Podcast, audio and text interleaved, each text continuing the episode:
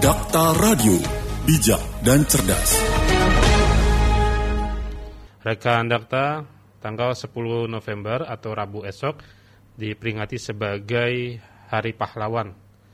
Tentunya kita ingat dengan istilah bangsa yang besar adalah bangsa yang tidak melupakan sejarah. Lalu seperti apa kaum milenial khususnya untuk memaknai eh, peran para pahlawan di kota Bekasi dan sejauh mana ilmu pendidikan sejarah yang didapat di kalangan dunia pendidikan. Kita akan berbincang langsung bersama sejarawan Bekasi ada Bang Abdul Khair. Dakta Radio, bijak dan cerdas. Assalamualaikum Pak Abdul Khair. Waalaikumsalam warahmatullahi wabarakatuh Bang Jai. Kabar sehat Bang Khair. Alhamdulillah, alhamdulillah Bang, alhamdulillah Bang. Bang Khair kita ingin melihat sejauh mana dari Abang sejarawan Bekasi melihat kaum milenial untuk melek sejarah.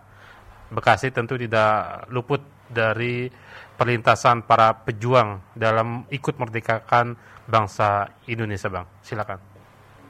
Baik, Eh, Jai, eh, istilah kaum milenial itu menunjukkan satu eh, era di mana ada eh, kelompok manusia dengan umur yang eh, ideal pada saat ini, Mhm. mereka berinteraksi itu dengan kekuatan jejaring atau jaring eh, jejaring lah ya. Mhm. Nah, ini yang kemudian menyebabkan kehidupan ini menjadi sangat efektif, menjadi sangat mudah dan akhirnya memanjakan. Mhm. Apa implikasinya?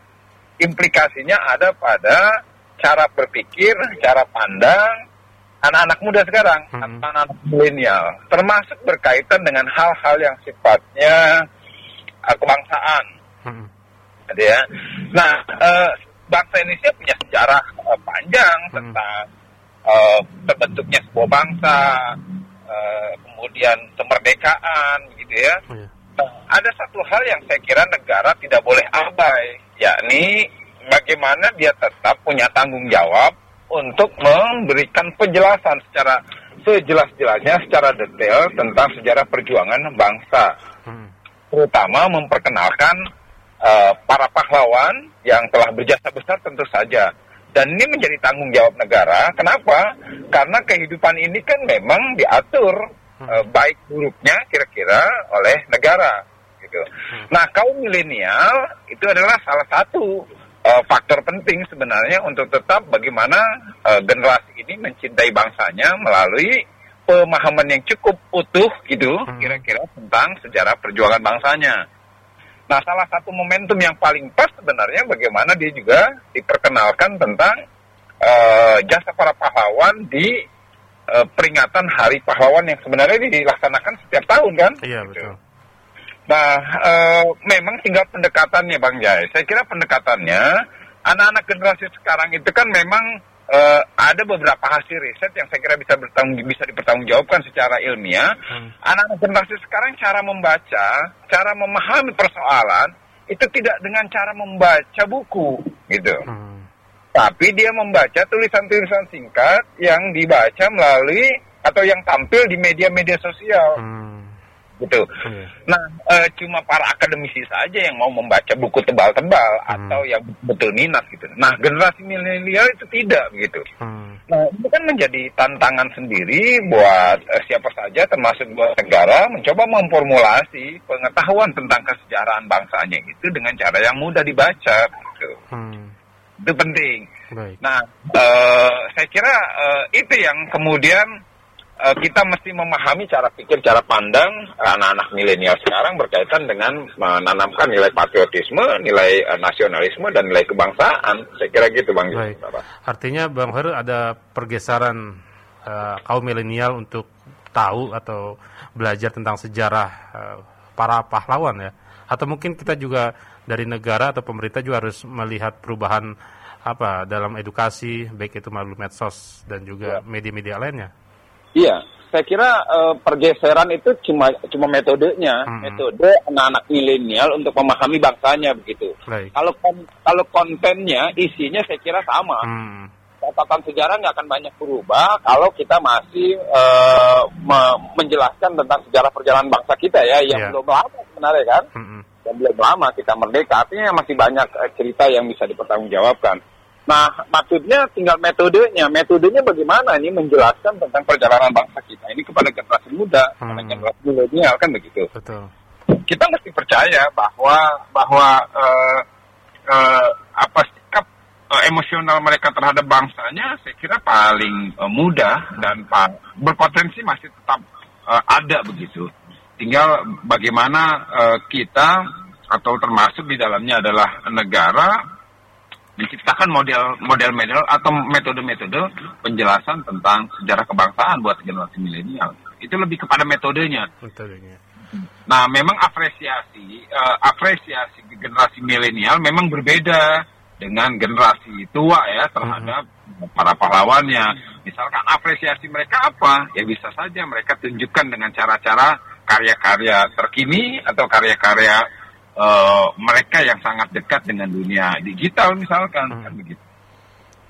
Baik. Bang Hoir kalau melihat dari tema Hari Pahlawan tahun ini yakni pahlawanku inspirasiku.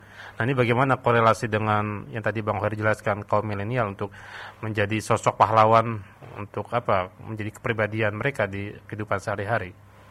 Iya, eh, eh, spirit perjuangan para pahlawan kita kan sebenarnya eh, kejatirian, kejati dirian sebagai sebuah bangsa dan karena itu menyangkut harkat martabat mereka sebagai sebuah bangsa ya. Iya. Atas dasar itulah maka mereka melakukan perlawanan atas dasar eh, harkat martabat terhadap sebagai sebuah bangsa lah mereka siap eh, melawan walaupun nyawa taruhannya kan begitu. Nah, kemudian inspirasi apa yang bisa didapat buat generasi milenial sekarang di saat Indonesia taruhlah kita sebut dalam situasi damai, Mm-mm. dalam situasi di mana di mana mereka kompetisinya itu bukan lagi kompetisi memperebutkan sebuah wilayah, memper- apa, eh, tidak lagi memperebutkan persoalan hak-hak dasar eh, sebagai sebuah bangsa misalkan, Mm-mm. tapi kompetisi mereka adalah bagaimana mereka bisa survive eh, untuk me- menyelesaikan persoalan dirinya, bisa mensejahterakan dirinya dan kemudian berimplikasi pada kesejahteraan kolektif atau kebersamaan ke, ke apa kesejahteraan bersama Hmm. dengan sendirinya jika kesedar, apa kesejahteraan bersama itu terwujud maka kesejahteraan bangsa pun akan terwujud kan begitu. Baik. Nah, spiritnya lebih kepada spirit bagaimana dia tidak mudah putus asa, dia tetap eh, kompetitif dalam kehidupan yang semakin ketat kompetisinya, kira-kira begitu. Mm-mm. Dan itu modal dasarnya saya kira sekarang tetap eh, penguasaan pengetahuan dan teknologi. Nah, pengetahuan terus berkembang, teknologi terus berkembang kan gitu. Baik. Nah, kalau mereka abai, mereka jangankan mereka eh, diam ya, bergerak saja, mereka ketinggalan dengan perkembangan ilmu pengetahuan dan teknologi gitu Hmm.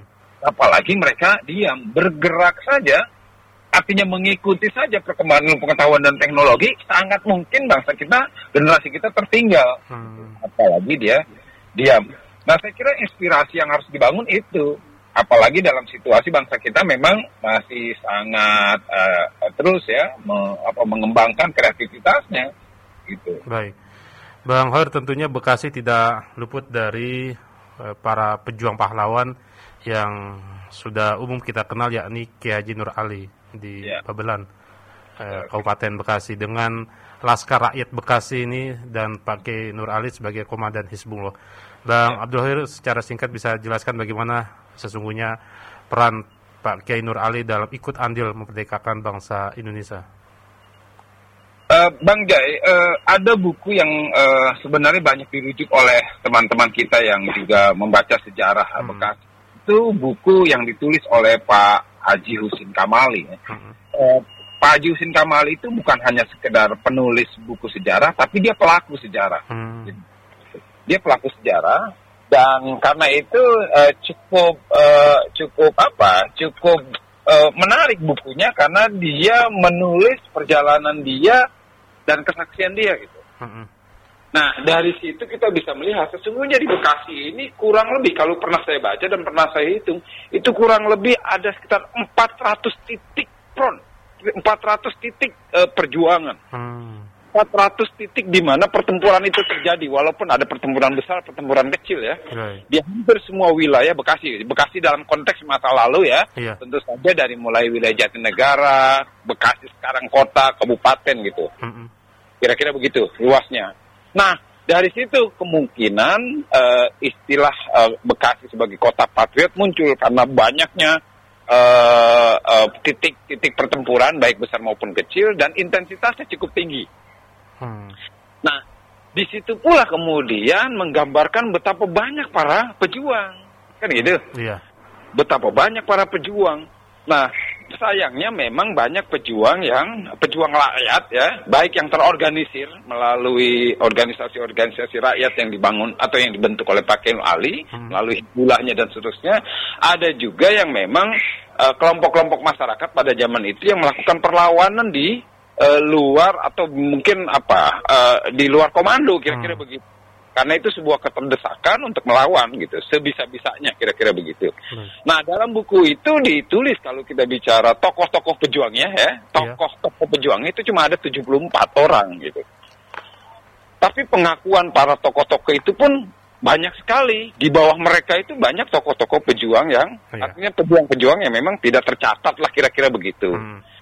Nah, ini juga kan belum belum belum belum tertulis secara utuh, belum terungkap secara utuh dan saya kira juga perlu ya siapa pun mereka nanti yang minat untuk mengungkap agar pemerintah juga bisa mengapresiasi lebih lebih jelas siapa saja begitu. Nah, ke keberadaan Kenul Ali hampir semua orang mengatakan bahwa dan catatan sejarah yang bisa kita baca pun memang dia menjadi penggerak, dia menjadi inspirator eh, terjadinya perlawanan antara eh, rakyat dengan eh, dengan penjajah begitu. Nah itu yang barangkali eh, eh, faktor penting posisi Kiai Ali sebagai eh, pahlawan nasional dan sampai di situ kita sangat apresiasi pemerintah mengangkat Kiai Ali sebagai pahlawan nasional. Tapi di balik itu semua banyak ratusan bahkan ribuan eh, para pejuang Bekasi yang tidak tercatat dan eh, eh, apa namanya kepahlawanannya juga harus diapresiasi begitu. Baik, Bang Abdul Khair kalau melihat dari eh, upaya pemerintah untuk mengenalkan masyarakat dengan para pahlawannya di antaranya melalui monumen, bagaimana Bang Khair melihat keberadaan monumen-monumen tersebut khususnya di Bekasi nih?